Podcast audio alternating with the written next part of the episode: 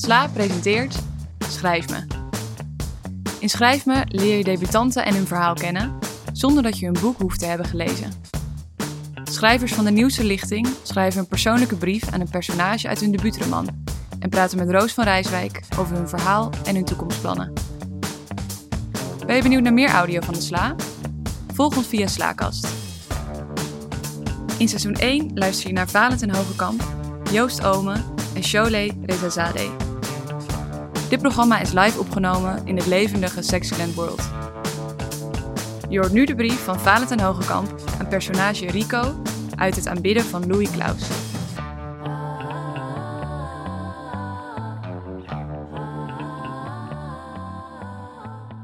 Vanavond gaan er vier schrijvers voorlezen. De vier schrijvers hebben allemaal uh, recent, uh, of iets, in, iets minder recent, een boek uitgebracht. Uh, maar wat is tijd nog ten tijde van lockdowns en pandemieën? dus het zijn allemaal misschien wel voor jullie splinternieuwe boeken. en de SLA heeft deze schrijvers een opdracht gegeven, namelijk schrijf een brief aan één van de personages uit je boek. Dat hebben ze allemaal gedaan. Uh, die schrijvers die zouden eigenlijk uh, op het, uh, natuurlijk op het hoofdpodium op zaterdagavond op Lowlands staan. Gepre gepresenteerd door Nicky de Jager, die daar al, al, maanden om smeekte. Nu zijn ze hier in Sexyland. het zijn Joost Ome, Cholet Rezazadeh, sorry, ik moest toch even nadenken. Toby Lakmaker en, oh hemeltje lief, Helena Hogekamp. Geef ze alvast een applausje.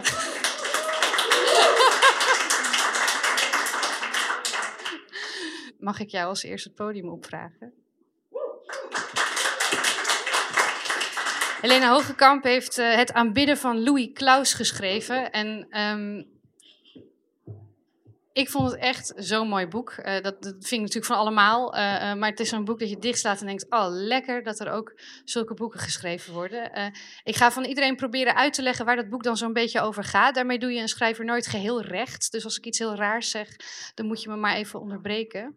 we volgen in het aanbidden van Louis Klaus Carla, die in haar tienerjaren, haar tienerjaren probeert door te komen, zoals wij alle in een beetje de vroege jaren nul eigenlijk hè, van deze eeuw. Uh, heel herkenbaar voor iedereen overigens die in die tijd ook tiener was. Um, uh, ze heeft een moeder die ernstig ziek is. Uh, ze heeft vrienden. Ze probeert seks, drugs en nou ja, TMF eigenlijk. Hè. Rock and roll is een beetje uit de tijd. En ze valt als een blok voor Louis Klaus. Um, met Louis Klaus krijgt ze verkering. Dat duurt niet haar hele leven, want we volgen haar ook als ze tegen de dertig is. Dan woont ze samen met kunstenares Destiny. Um, dat is een relatie die niet zo lekker loopt. Uh, Carla zelf loopt ook niet zo lekker. Ze is onlangs haar moeder verloren. Alles staat een beetje op losse schroeven. En dan loopt ze natuurlijk weer tegen Louis Klaus aan. Yes.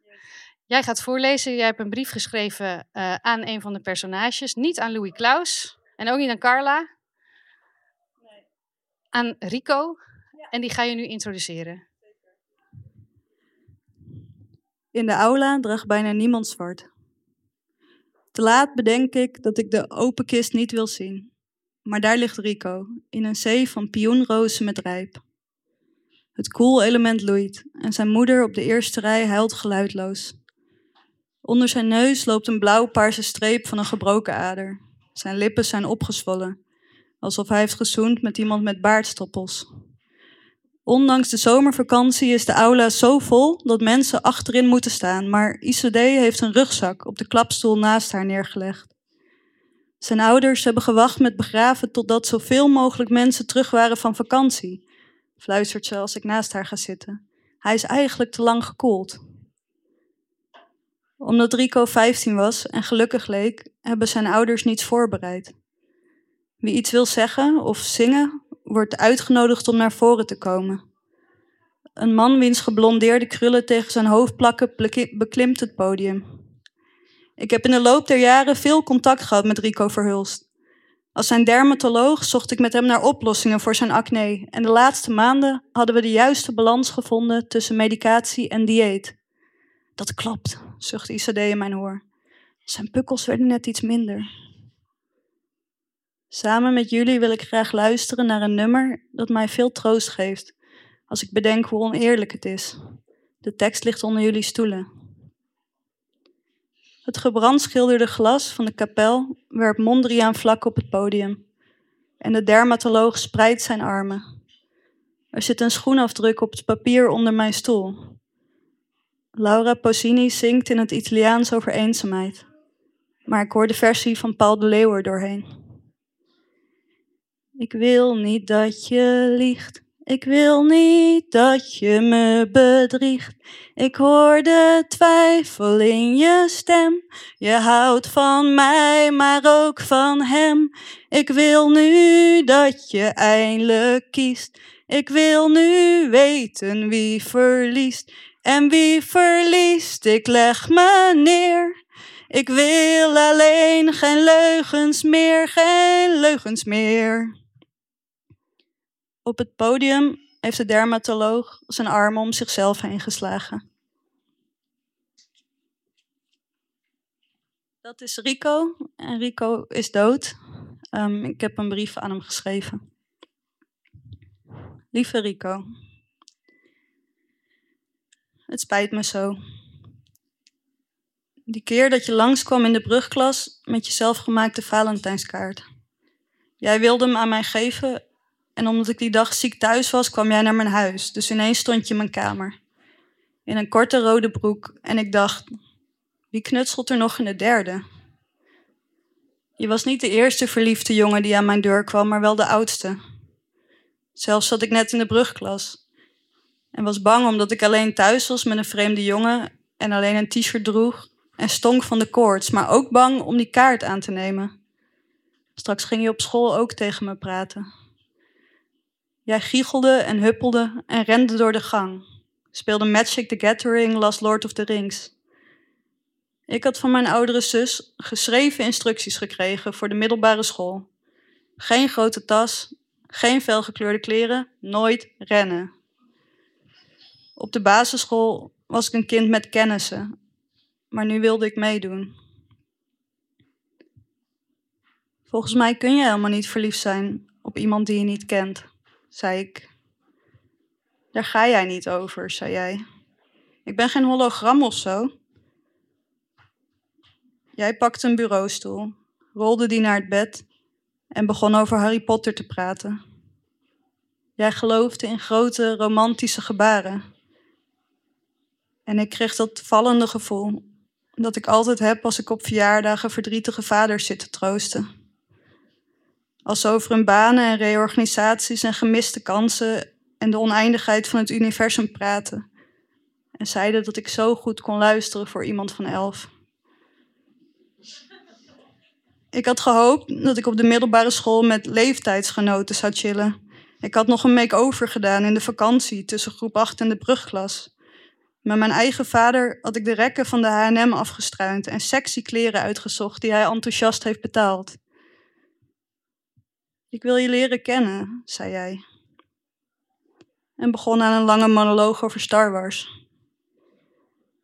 Ik keek naar het uitgeknipte hart in je hand, naar de gedroogde roos die eraan vast had geniet.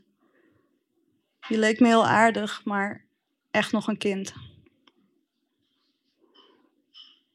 Het werd zomer, eerst langzaam en toen plotseling.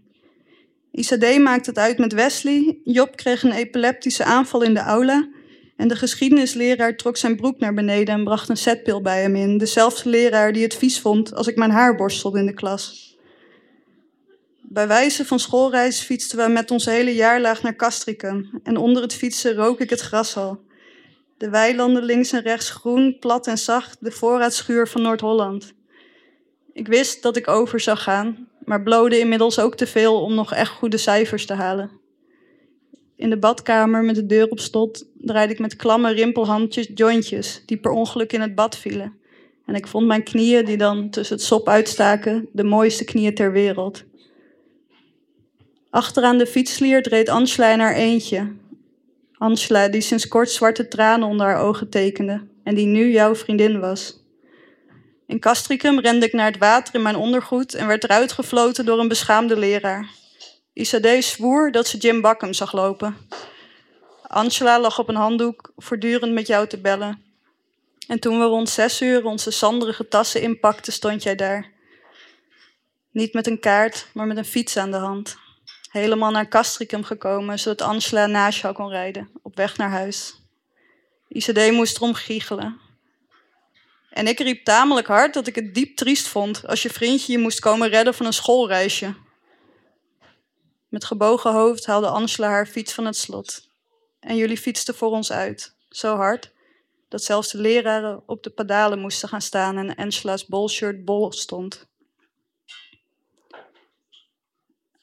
Een week later zag ik jullie voor de ijswinkel, met allebei een eigen hoorntje, maar likkend aan elkaars ijs. Zelf stond ik aan de overkant in de schaduw van de Vibra en besefte dat ik de bad guy was. Dat ik tegen iedereen zei dat jij een sukkel was die op brugklassers viel. Maar dat ik bedoelde, je bent een sukkel die op mij valt. Het spijt me dat ik niet dapper was. En jou verweet dat je niet wist wie ik was. Ik wist zelf niet wie ik was. Toen ik de straat overstak, keek je me heel stuurs aan over je ijsje. Er droop rode sorbet over je hand. Sorry, zei ik. Het was heel lief van jou om Angela op te halen met de fiets. En jij lachte, heel jong, en jij zei graag gedaan. Toen ik Angela weer zag, zat ze met gebalde vuisten op de stenen trap van het uitvaartcentrum. Wij deelden een sigaret en we lachten hardop, hoewel jij dood was.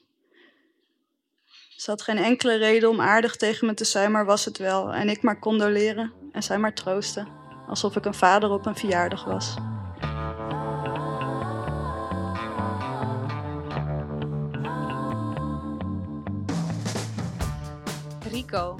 Is in jouw boek eigenlijk een beetje een bijfiguur. Die, die cirkelt rond Carla, rond de vriendengroep. Een beetje puisterige, ongelukkige jongen. Ja, hij doet de hele tijd op feestjes alsof hij in slaap valt op je bank, zodat hij niet naar huis hoeft. Zo'n jongen. Ja. Was het een van je... Ik weet, als je aan het schrijven bent, dan kan je, kan je een beetje lievelingspersonages ontwikkelen. Was Rico er zo een voor jou? Ja, maar vooral Rico en Angela ook. Want ehm, Rico pleegt in dit boek zelfmoord.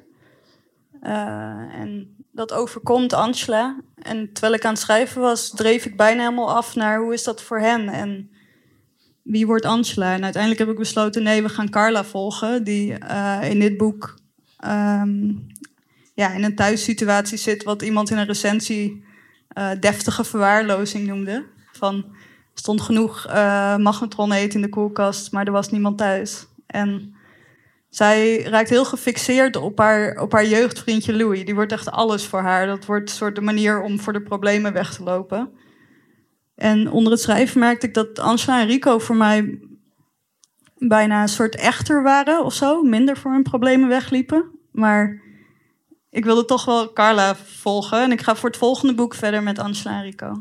Oh, wat goed. Er, er komt een vervolg met die twee. Want ik wilde je eigenlijk al vragen, dus we hadden bijna het, het aanbidden van Rico uh, kunnen lezen, maar... Uh... Nee, want zo'n type, want Louis Klaus is in dit boek wel echt zo iemand die je meteen kast als hoofdrolspeler. Ja, hij komt ook op volgens mij de eerste pagina, gaat hij naar school in, in, een clownspak. In een Ja, ja, en dat vindt iedereen dan ook heel mystiek en mysterieus. En hij is zeg maar de talk of the town. Uh, en op de eerste pagina knipt het meisje Carla, die knipt haar broek af. Dus die is ook soort van de talk van de jaarlaag, maar dan omdat ze naakt is. En uh, die wordt daarmee echt ja, een soort meisje. Veel te kort af. Ja, ze knipt Ja. hem ook wel een beetje zo. Weet je dat je net een beetje te schuin gaat met die schaar. En zij ontdekt een soort van: oh wauw, nu kan ik echt een vrouw zijn. En hij ontdekt van: oh, ik kan een raadsel zijn. Ehm, ja, ze gaan alle twee een andere kant op daardoor. Ja, nou, dus, dus de volgende roman kunnen we meer te weten komen over... Over. Angela, over wat voor. eh, wat, hoe zij opgroeit nadat de jeugdvriend zelfmoord heeft gepleegd. Want zij raakt er dan van overtuigd dat het door haar komt. Dat ze een soort verpester is. Dat alles wat zij aanraakt verdort. Ja, en ik, ik weet eigenlijk helemaal niet... Ja, ik mag het zeggen, want het stond op Instagram. Je hebt vandaag eh, een contract getekend bij je uitgeverij. Ja, voor boek drie.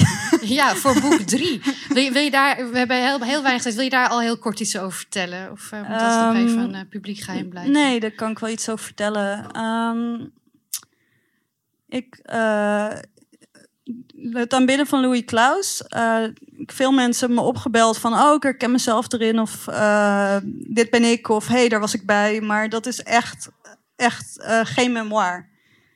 Weet je, ik heb wel veel gebruikt, maar dus, dat gaat niet over mezelf. En bij mijn uitgeverij vroegen ze, omdat er in mijn leven best wel veel aan de hand is qua gender, um, vroegen ze of ik daar dan over zou willen schrijven.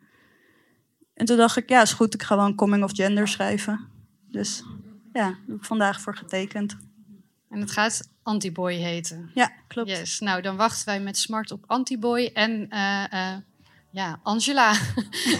ja, zeker. Ja, dankjewel Helene. Jij bedankt.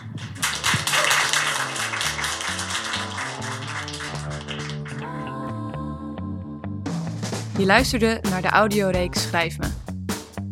Ben je benieuwd naar meer audio van de Sla? Volg ons via Slaakast.